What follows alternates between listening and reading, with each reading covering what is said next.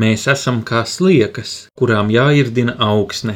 Šāds latviešu mākslinieces Džemas Skulmes citāts neona burtiem rotā Rīgas 40. vidusskolas sienu, vienotā kompozīcijā ar sienas gleznojumu jeb murāli. Tieši šis sienas gleznojums, ko veidojis Latvijas Mākslas akadēmijas asociētais profesors Kristians Brekte, sabiedrībā izsaucis asas reakcijas. Murāļa kontekstā kritikai pakļauti arī citi mākslinieka darbi. Nu jau pat policija izmeklē, vai Brektes daļradē nav manāmas bērnu pornogrāfijas iezīmes.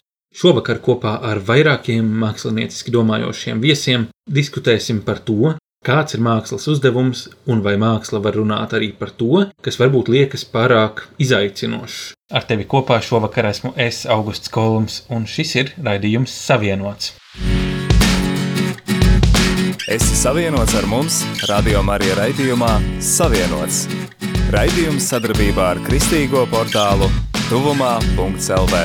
Uzklausām, vērtējam, izpētām un iesakām Trešdienās, pulksten 5. pēcpusdienā. Es esmu savienots!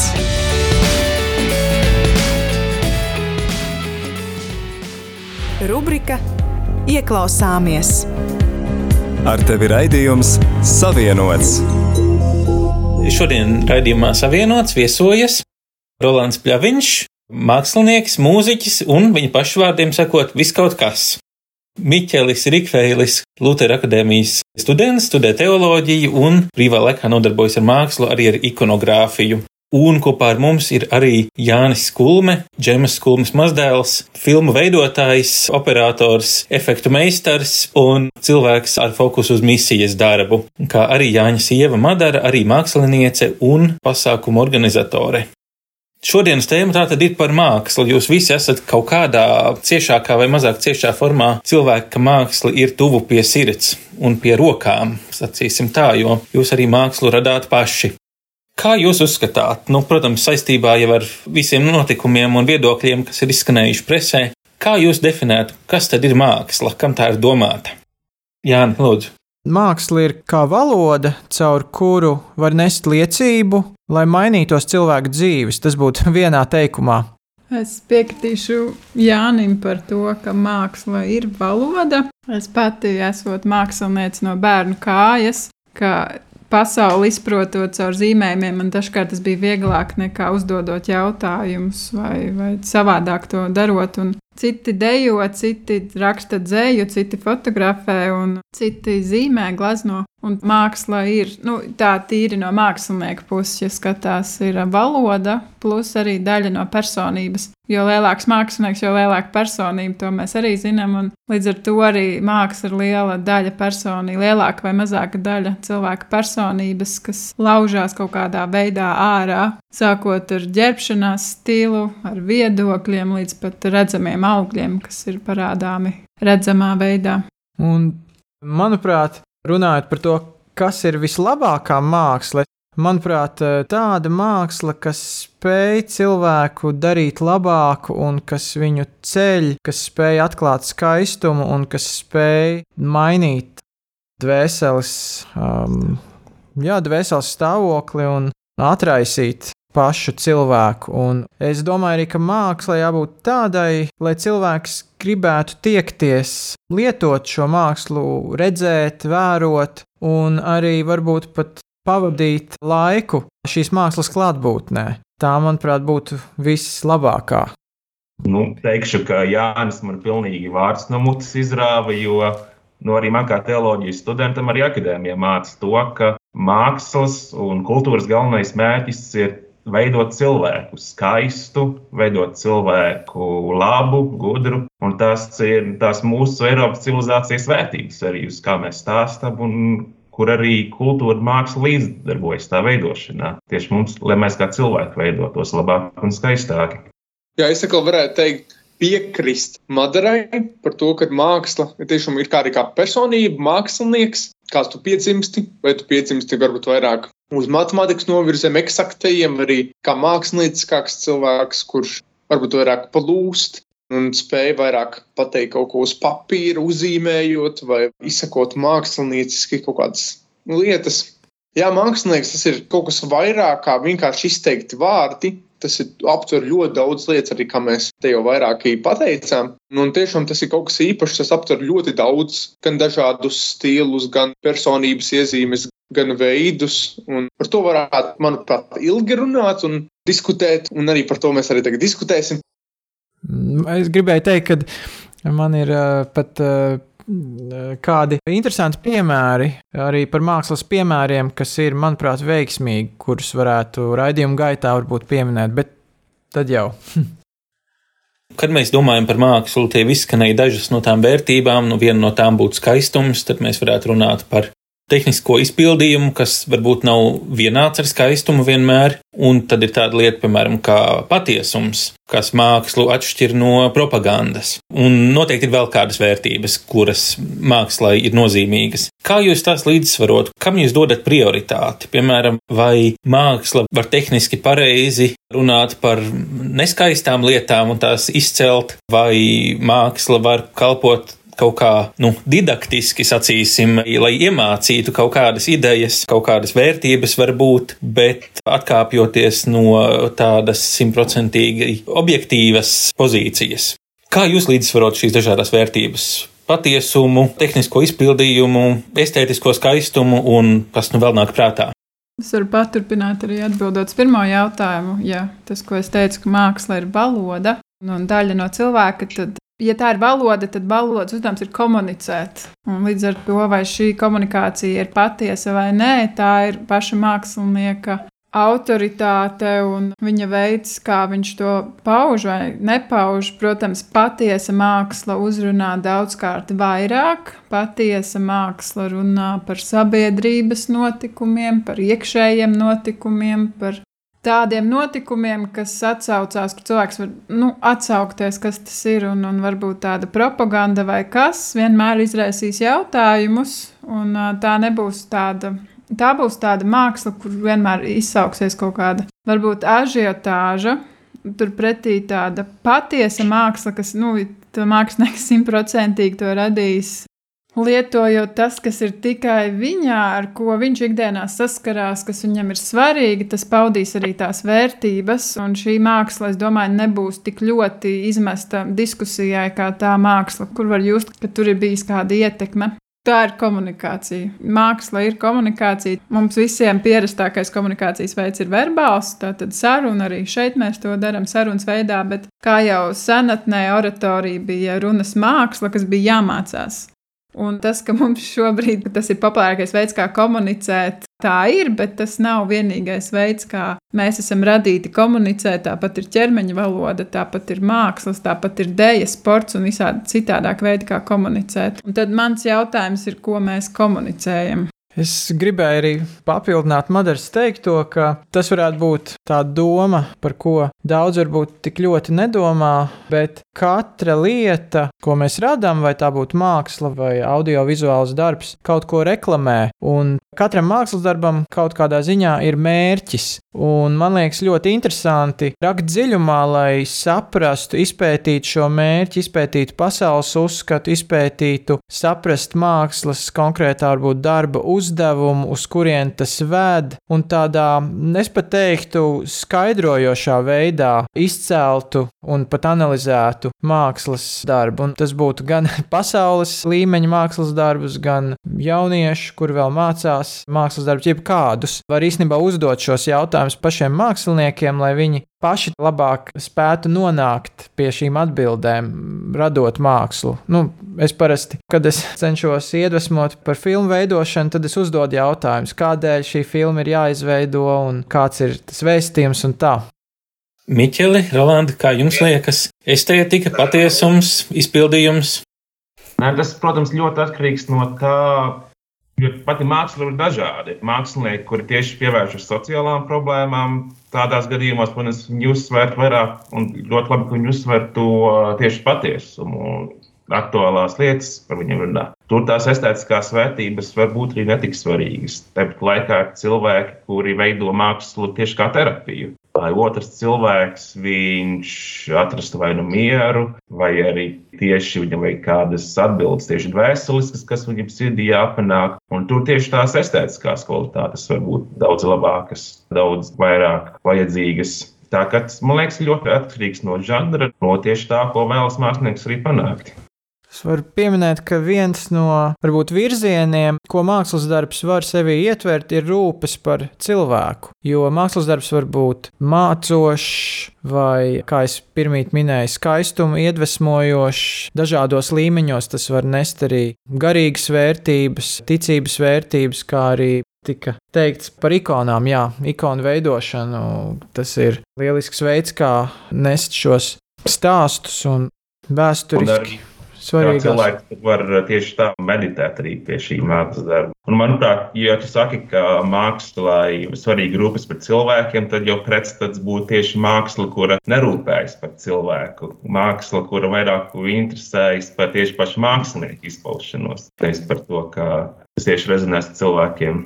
Bet, ja mēs atgriežamies pie jā, komunikācijas, tad jā, vai nu mēs sajūtam sevi kā daļu no sabiedrības, vai arī esam individuālisti.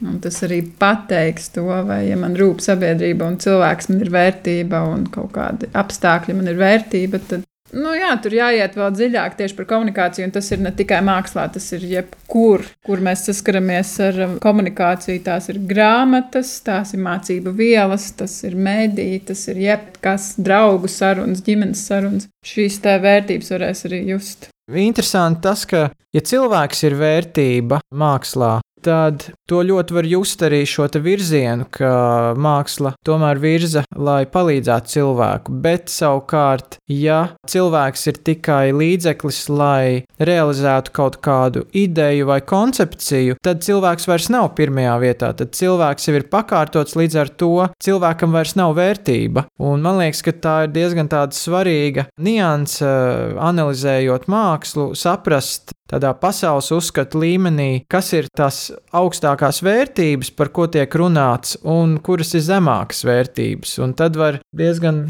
iedziļināties un sākt izšķetināt jau. Un, uh, Roland, ko tu saki par šo uh, mākslas uh, vērtību un mērķu līdzsvarošanu? Kas ir tavas prioritātes?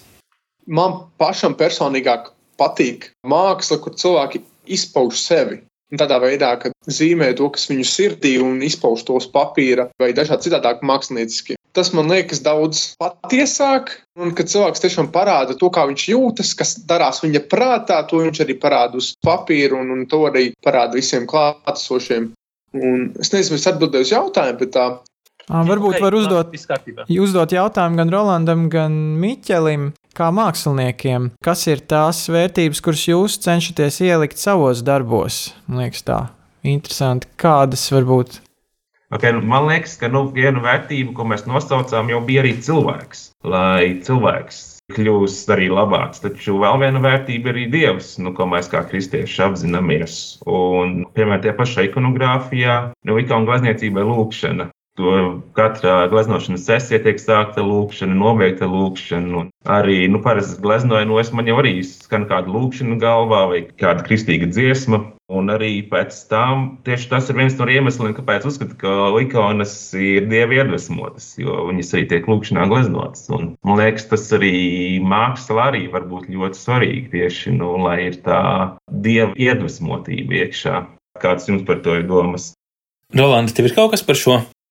Par ikonām es īsti daudz par to visu nezinu.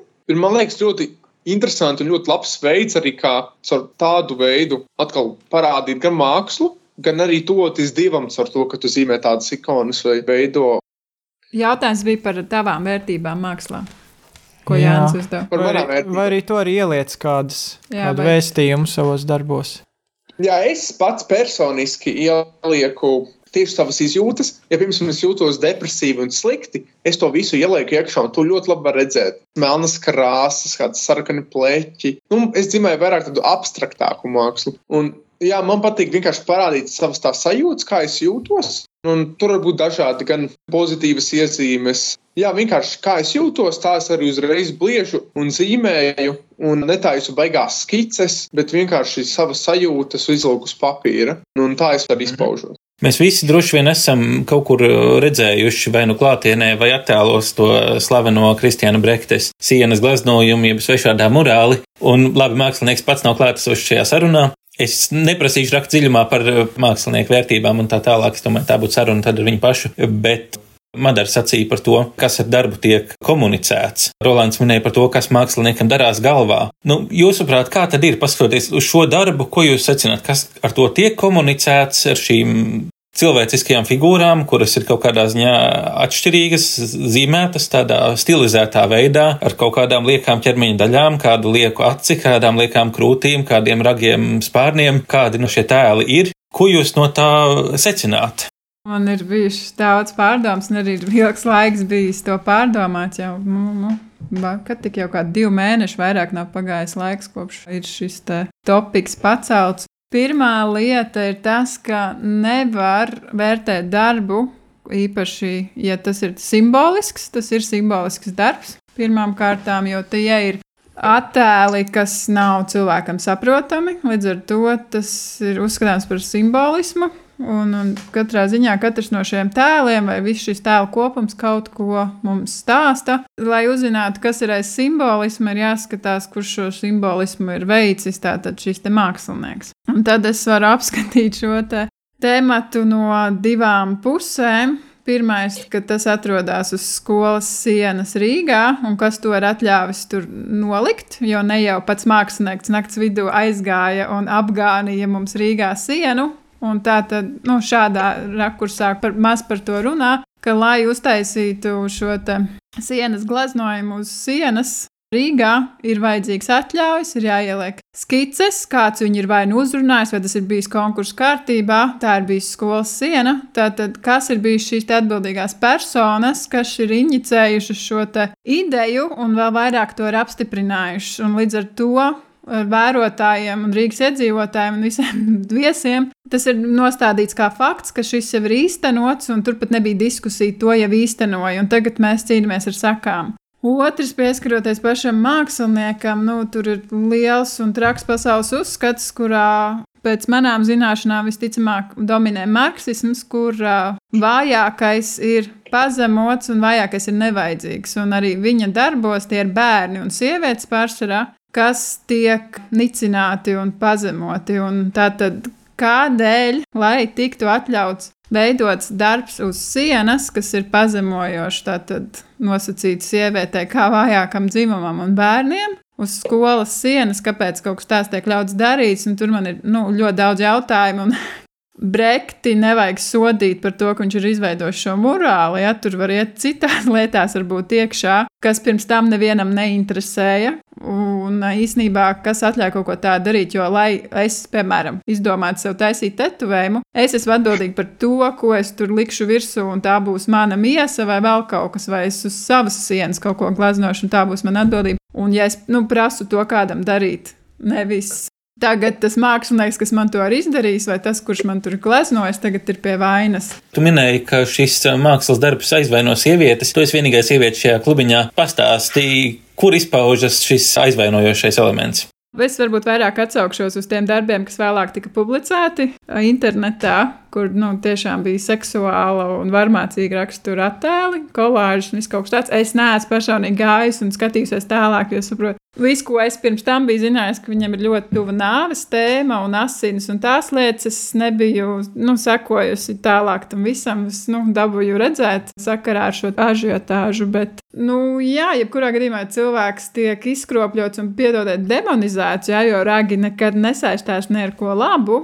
un eņģeļa spārni tas varbūt saistās ar mīlestību un dievišķumu vai mirušiem cilvēkiem, piemēram, ja, viņš ir aizlidojis prom no mums, bet spārni ir arī demoniem un puķiem un tādām mistiskām lietām, kas nesaistās ar pozitīvām lietām, tad nu, pēc visas tās simbolikas es neredzu neko pozitīvu. Mēs arī esam kristieši, mēs lasām Bībeli, mēs ar simbolismu arī Bībelē saskaramies, vai vēl vis kaut kur citur, un neviens no šiem attēliem īsti nav uztaisīts par celšanu vispār cilvēkam.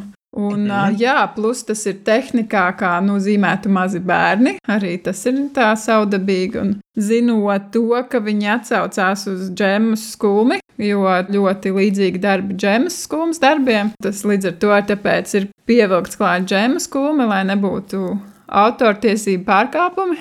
Un runājot ar Jānu un zinot, ka šis periods džemas skulmas dzīvē, ka viņa zīmēja un gleznoja tāds bērnišķīgāks attēls bija tāpēc, ka viņai ģimenē ienāca Jāņa mamma, un tie ir balstīti uz bērnu zīmējumiem. Un tad, ja svešs mākslinieks paņem kaut ko tādu, un vēl to sakropļo, tad principā tas ir pat nu, nedaudz aizvainojams arī mūsu ģimenei.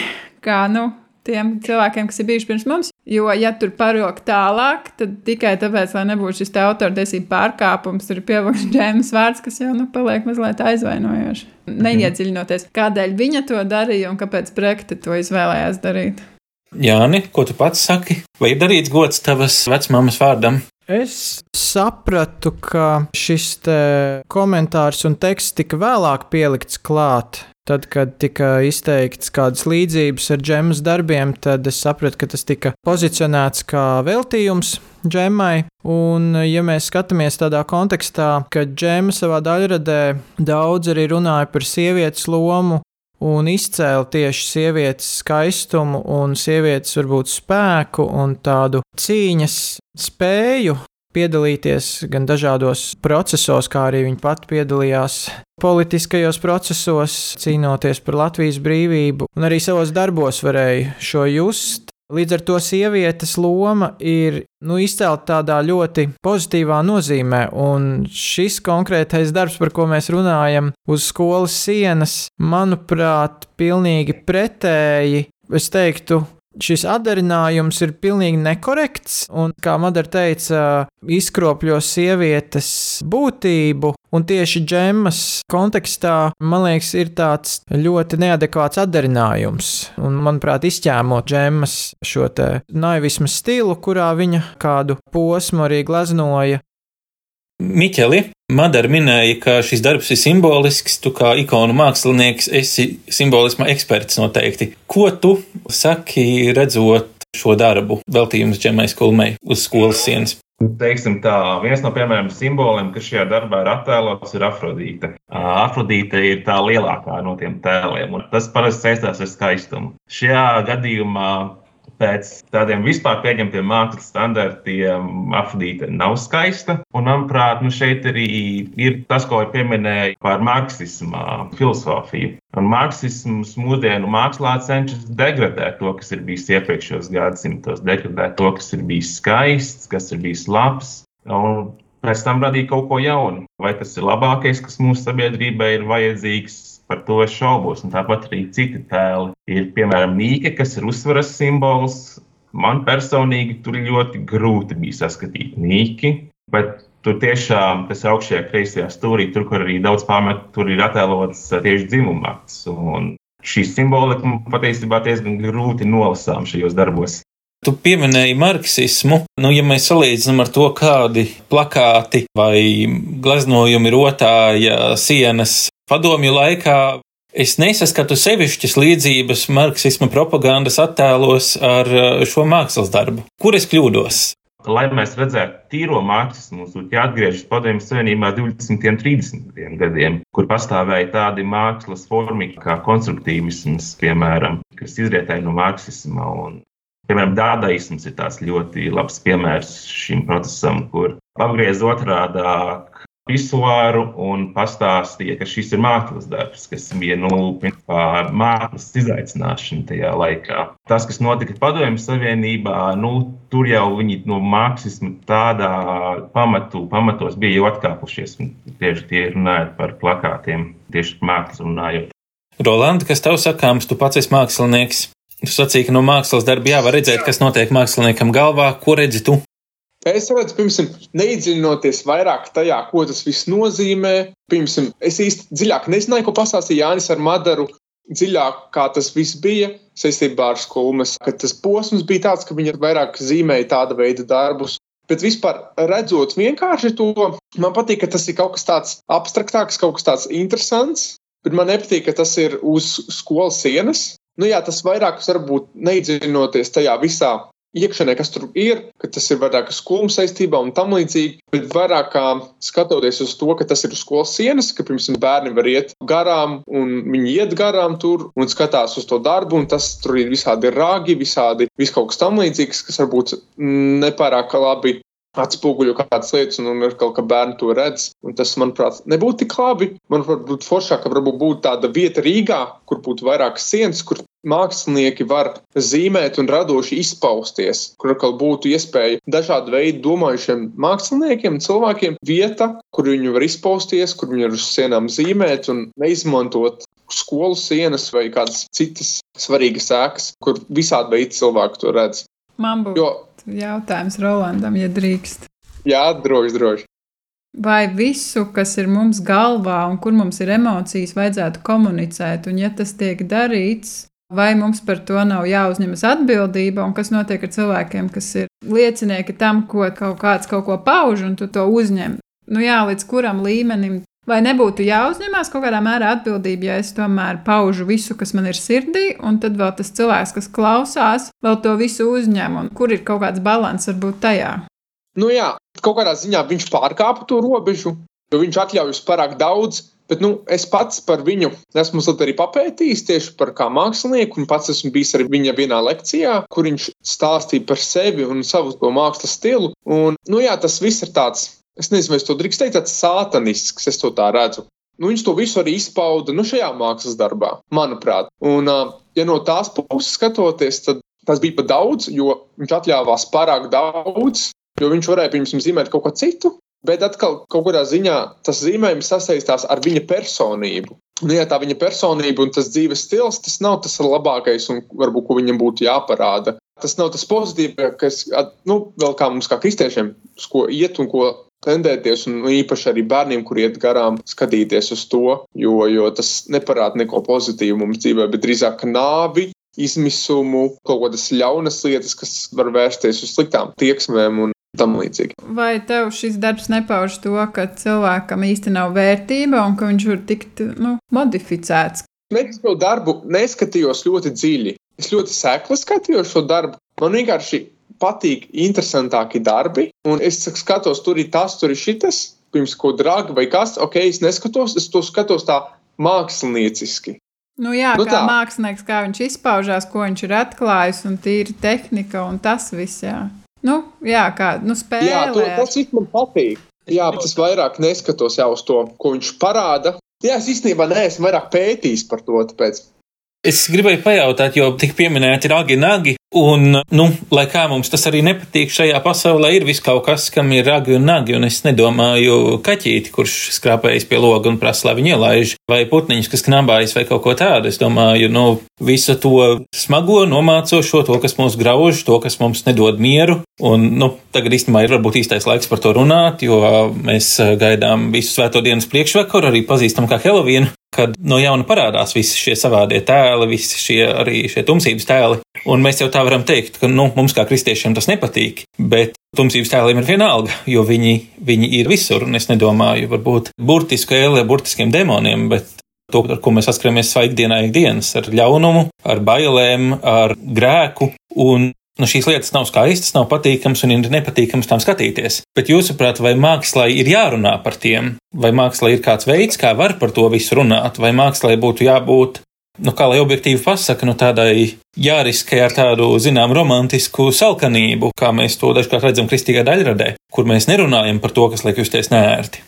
Jā, tas ir ļoti labs temats. Un, manuprāt, par to ļauno arī ir jārunā mākslā. Piemēram, mēs skatāmies Parīzes diamāts katedrāli. Visiem um, vēlnu puķu attēliem, kuri tur uz baznīcas ārpuses salikti. Tāpat laikā, kad tie ir baznīcā iekšpusē, tur ir svēto attēlu, tur ir gaišums, tur ir viss pozitīvais. Tā nozīmē tā, ka ārpus baznīcas sienām tur ir negatīvais, tur ir sātana valstība, tur ir tumšā pasaule, kamēr iesiet iekšā baznīcā, tur ir gaišais. Un, manuprāt, kļūda, ko nevajadzētu pieļaut cilvēkiem, ir glorificēt ļaunumu. Pacelt to kā tādu kaut ko pozitīvu, kaut ko cēlu. Un, manuprāt, tieši šis morālis arī bedina uz to, ka parādīt to cēlumu, kas ir tajā tēlā ar ragiem un nagiem. When the days are cold and the cards all fold and the saints we see are all made of gold. When your dreams all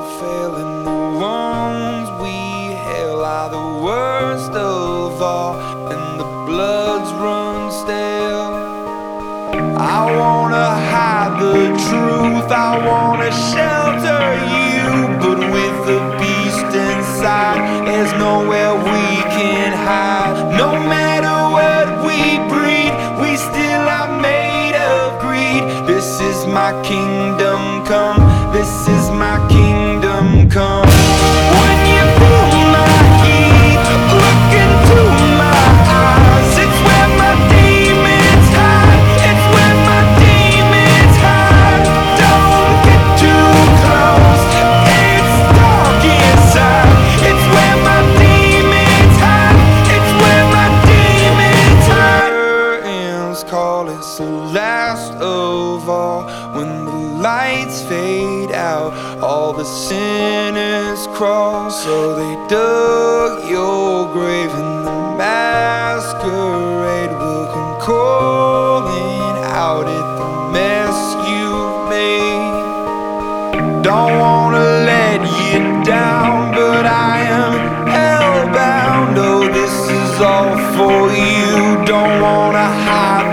the truth. No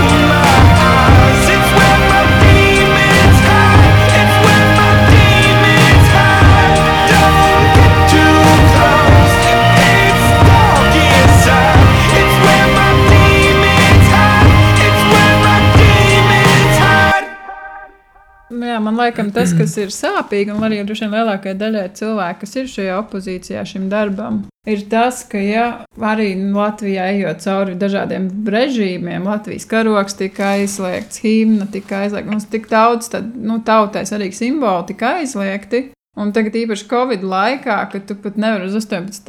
novembra svētkus vairs svinēt, un visas tās svarīgās lietas, vai dziesmu svētki nenotiek tas, un tu pēkšņi redzi kaut ko tik mazsvarīgu uz sienas, glorificētu, godīgi. Nu, jāsaka, nu, tas ir wow, ne? Un, un, un man liekas, ka laikos, kad, nu, kad Latvija ir gājusi ar visādām lietām, vēl kaut kas redzēt kaut ko tik ļoti svešu un netik labām vērtībām ir ļoti, ļoti sāpīgi. Un tad ir jautājums, nu, kas notiek ar Latviju un par ko mēs. Te, nu, tas ir tāds jau dziļāks jautājums, bet par ko man tā visvairāk laikam Nu, sāp sirds. Jā. Vēl es gribēju teikt tādu vē, domu par to, kā var mākslu vērtēt. Un es redzu, ka mākslu var vērtēt trīs līmeņos. Pirmais būtu emocionālais līmenis, kad vai, nu- vai patīk vai nepatīk, un kādas emocijas rada šī māksla. Otrais līmenis jau būtu profesionāli vērtēt, ko arī veic šo vērtējumu mākslas kritiķi un tie, kas jau šo savu prasmi pieprot. Un, manuprāt, ir vēl trešais līmenis, kurš es pat ticu, ka tas būtu vēl augstāks līmenis, kādi ir tie augļi šai mākslai, kāds ir rezultāts. Un, ja kā Kristus teica, pēc augļiem var pateikt par koku, tad ko šī māksla, kādi ir tās augļi, un Tas būtu jāvaicā varbūt cilvēkiem, kas iet garām, cilvēki, kas sastopās ar šo mākslu. Un, manuprāt, tas ir viens no tādiem svarīgiem jautājumiem par tiem augļiem arī. Un tādēļ vērts vaicāt ir šī darba izpildītājiem par to mērķi. Lai labāk saprastu arī, vai mērķis saskan ar šiem augļiem, vai Nē, nu, Tā. manuprāt, mērķi viņš ir nostādījis, uzrakstījis vienas ļoti skaidri. Viņa mērķis ir ridināt zemi un kaut kā provocēt mūs, mudināt mūsu domāšanu, mudināt kaut kādas izmaiņas mūsos. Vai arī, tavuprāt, varbūt arī tādi citi mērķi ir redzami šajā gleznā, morālī. Nu, jā, jā, jājautā par kādas izmaiņas, labas vai sliktas. Un vai mēs tiešām esam tik ā, stūrgalvīga tauta, kurai izmaiņas vispār nav vajadzīgas. Vai nerunājot par konservatīvismu, jo konservatīvs ir kaut kas tas ir cits. Tas nav tikai izvēļu, nu, nevēlēšanās izvēlēties. Gribēju varbūt īsi vienu piemēru atsaukt atmiņā, vienu tādu labu mākslas. Runājot par tiem augļiem, nesen bija iespēja dzirdēt stāstu no mākslinieka no Romānijas, Kristiāns Kazāku. Viņš kā mūziķis radīja darbu ar mērķi runāt par brīvību, jo stāsts bija par Norvēģijas bērniem, kuri tika izņemti no ģimenēm uz neatgriešanu. Un ļoti daudz bija sašutuši par šo rīcību, un viņš radīja dziesmu Set the Children Free. Ļaujiet bērniem būt brīviem. Viņš runāja par brīvību savā dziesmā, un arī šo dziesmu atskaņoja dažādām cilvēku grupām. Un rezultāts dziesmai bija tāds, ka Norvēģijas valdība šos bērnus atgrieza pie savām ģimenēm, un viņam pat bija iespēja satikties ar šīm ģimenēm un iepazīties. Un viņš pats bija no sirds iepriecināts un pateicīgs, ka viņš piedzīvoja, ka mūzikas un mākslas spēks spēja nest augļus. Un, man liekas, tas ir visbrīnišķīgākais piemērs, uz ko ir vērts tiekties, lai mūsu darbi spētu celt un nest brīvību. Tad noslēgumā es gribētu jums pajautāt, mākslinieki, jūs, ja jums būtu iespēja šādu te līdzīgu skolas sienu ar kaut ko izgreznot, kādu attēlu jūs izvēlētos? Ko jūs gleznotu, ja jums būtu iespēja uzgleznot? Nu, es gribētu, lai uz sienas ir tādas vērtības, kuras arī skolēniem novēlē viņiem gūst, kas ir um, tas pats skaistums, labums, izglītība, zināšanas, varbūt attēna virsū. Ja patiesībā mums Rīgā ir ļoti daudz piemēru. Ja skolas sienu apgleznošana, apdarināšana, izgleznošanas nav nekāds 21. gadsimta parādība. Mēs esam redzējuši 20. gadsimta sākumā statujas uz otrās gimnāzijas ēkas fasādes, arī citu skolu fasādēm, kur ir šie tēli, kuri izceļ tās vērtības. Vai tirzniecības skolām tas bija Merkurs, kas bija tirzniecības dievs, Citām skolām atkal tie bija uh, citi simboli, kuri nes tās vērtības arī. Un es arī vēlētos, lai kaut vai tā pati attēla tur būtu virsū, kur tomēr nes to gudrības un arī to cīņas simboli. Un lai arī bērni, kuriem ir skola, viņi redz, noskatītos un redzētu, kas viņiem jāsasniedz, par ko viņiem ir jākļūst. Es domāju, ka māksla, kas ataino reliģiskus motīvus, tomēr ir viena no augstākajām mākslām, jo tā runā par mūžību, par vissvarīgākajām vērtībām. Un es domāju, ka nebūtu slikti, ja arī uz šīs skolas varētu būt kādas tēmas, kuras runā par mūžību tādā cerības kontekstā un celsmīgā kontekstā. Jā, es arī biju augusts uzdeva jautājumu, ja, mēs gleznotu tās sienas, un es arī biju par to domājis. Un Pirmais jau tāds skats, kur bērniņi stāv saulē, un saules stari viņiem spīd cauri, un, un tā visi tur sastājušies zem ābeles, un tagad kaut, ko, kaut tāda aina man nāk prātā, un man likās, nu jā, bet nu, es nezinu, ar ko mēs saskārāmies skolā arī ar to, es gribētu, lai komunicē to, ka mazliet pietrūkst padoma, ir mazliet bail, ir draugi, ir tas, bet tad ir tas, ka skola ir pārbaudījums, jo mēs visu laiku mācāmies, mums visu laiku pārbauda. Es domāju, es būtu priecīgs skolas sienas redzēt tur Latvijas karti vai kaut ko tādu, ka es zinu, ah, jā, pareizi, kad dienas to skatos, oh, un, un muļķīgi, jā, bet, nu, es tagad zinu, kur atrodas Jēkabpils kartē vai vēl kaut kas. Un tas arī jebkuram, man liekas, ir tāds izzinošs, tas ir arī Latvijas nacionālitāte ceļoša lieta, ka mēs esam savstarpēji vienoti un saistīti. Un varbūt es kaut ko tādu darītu, kas arī mūs konektē tur vienam ar otru, kāpēc mums ir jā, jābūt savā starpā. Man patika prāta vētras dziesma, kā pirmais latviešu uz mēnesi. Un kāpēc mēs nedomājam par tādām lietām? Ka, kāpēc arī latvieši kādreiz ceļot uz mēnesi? Un es varbūt, ja nu, tādā nākotnes perspektīvā, varbūt pat kaut ko tādu būtu būt ļoti priecīgi redzēt. Jau skolas sienas ir pirmais latviešu uz mēnesi. Nu, pat ja viņš tur vēl nav bijis, tad ar to domu, ka tas ir tas, kur, ir, kur vēl ir tiekties, kur, vēl, kur nu vēl tālāk par zvaigznēm. Rolanda, ko tu liktu uz šīs sienas? Es liktu pilnīgi kaut ko citu, Nu, kā, kas raksturotu skolu. Parasti skolu simbolizē kā pūci. Ja? Es nezinu, pūci stilīgu ar keponu, ar skateboardu, vēl kaut kur blakus. Matemātika kaut kāds uzdevumi vai kaut kāda tur mīnusiņi, plusiņi, kaut kas tāds abstrakts, kaut kas tāds.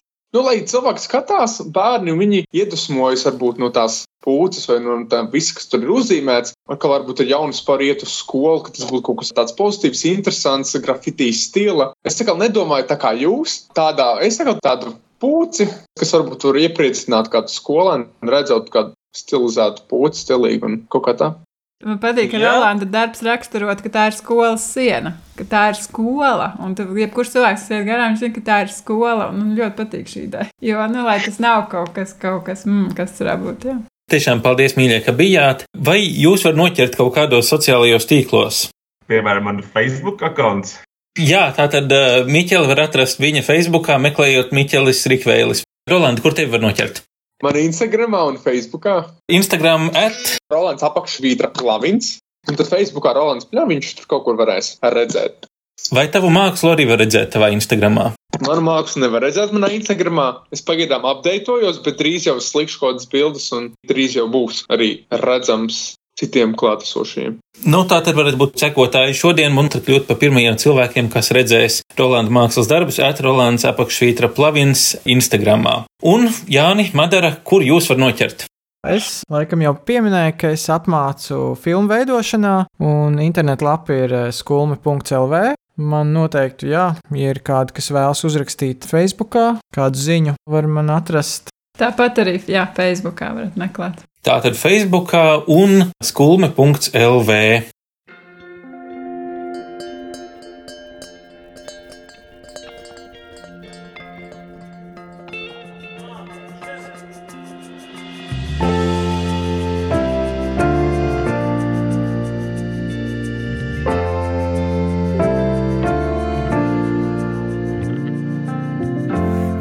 teici man, ka šovakar nelīs. Kaut vēji draudīgus mākoņus dzen. Vairs negribu skriet, negribu steigties. Mēs nesam tikušies tik sen. Tu stāsti kā ien tālajās zemēs, ka viss jau ir labi un tomēr krēs. Kad karogu sarkan balts sarkanu redzi, asaras acīs ariesties teic. Kā bērns tevs turēšos pie pleca, tam maz dēlam, ko stārķinās. Mēs kopā dzirdēsim reiz ziņās par to, kā pirmais latvietis nokāpa uz mēs.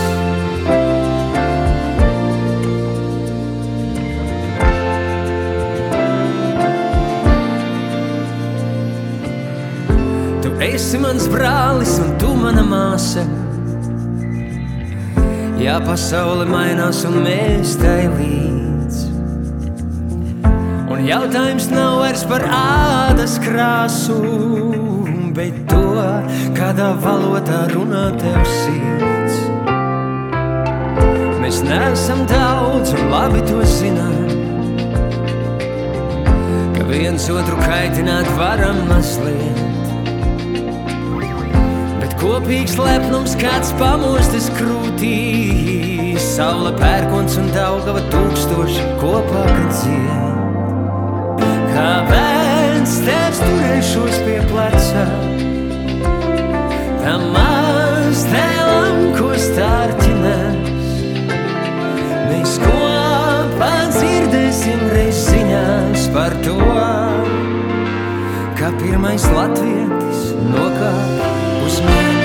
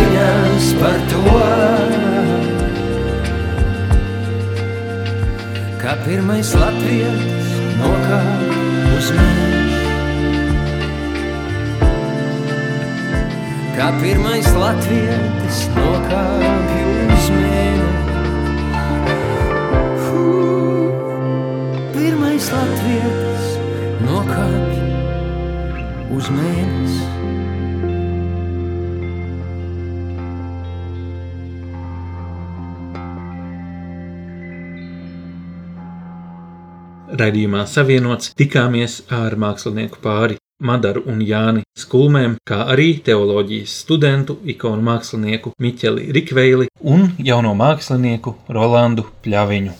Rubrika Izpētām Ar tevi raidījums Savienots. Atgādinu, ka ar vienu turpinām apkopot viedokļus par divām tēmām. Vispirms mums joprojām interesē tava attieksme pret Covid-19 vakcīnām. Dodies uz tuvumā LV šķērsvītra Covid un izsaki savu viedokli, izvēloties tos atbildžu variantus, kuri vislabāk raksturo tevi kā kristieti un tavu attieksmi šajā jautājumā. Tāpat vēlamies noskaidrot, kādā vārdā, tavuprāt, nākamajā revidētajā Bībeles tulkojumā būtu jāsauc Dievs, vai turpinām lietot kungs ar lielo burtu, kā tas līdz šim ir bijis jaunajā Bībeles tulkojumā, vai tomēr atgriežamies pie tas kungs, kā tas bija iepriekšējā tulkojumā. Dodies uz tuvumā LV šķērsvītra Bībele bez garumzīmēm un izvēlies to variantu, kurš tev patīk labāk. Tātad tuvumā LV šķērsvītra Covid par vakcīnām un tuvumā LV šķērsvītra Bībele par kungs vai tas kungs. Raidījums savienots skan katra mēneša 2. un 4. trešdienā. Mūs var dzirdēt arī internetā, Apple podkāsts un Spotify. Ar tevi kopā biju es, Augusts Kolums, un šis bija raidījums Savienots. Tu klausījies raidījumu Savienots. Būsim atkal ēterā trešdien pulksten piecos pēcpusdienā. Klausies mūsu radio Marija un lasi kristīgo portālu tuvumā.lv. Es esmu savienots!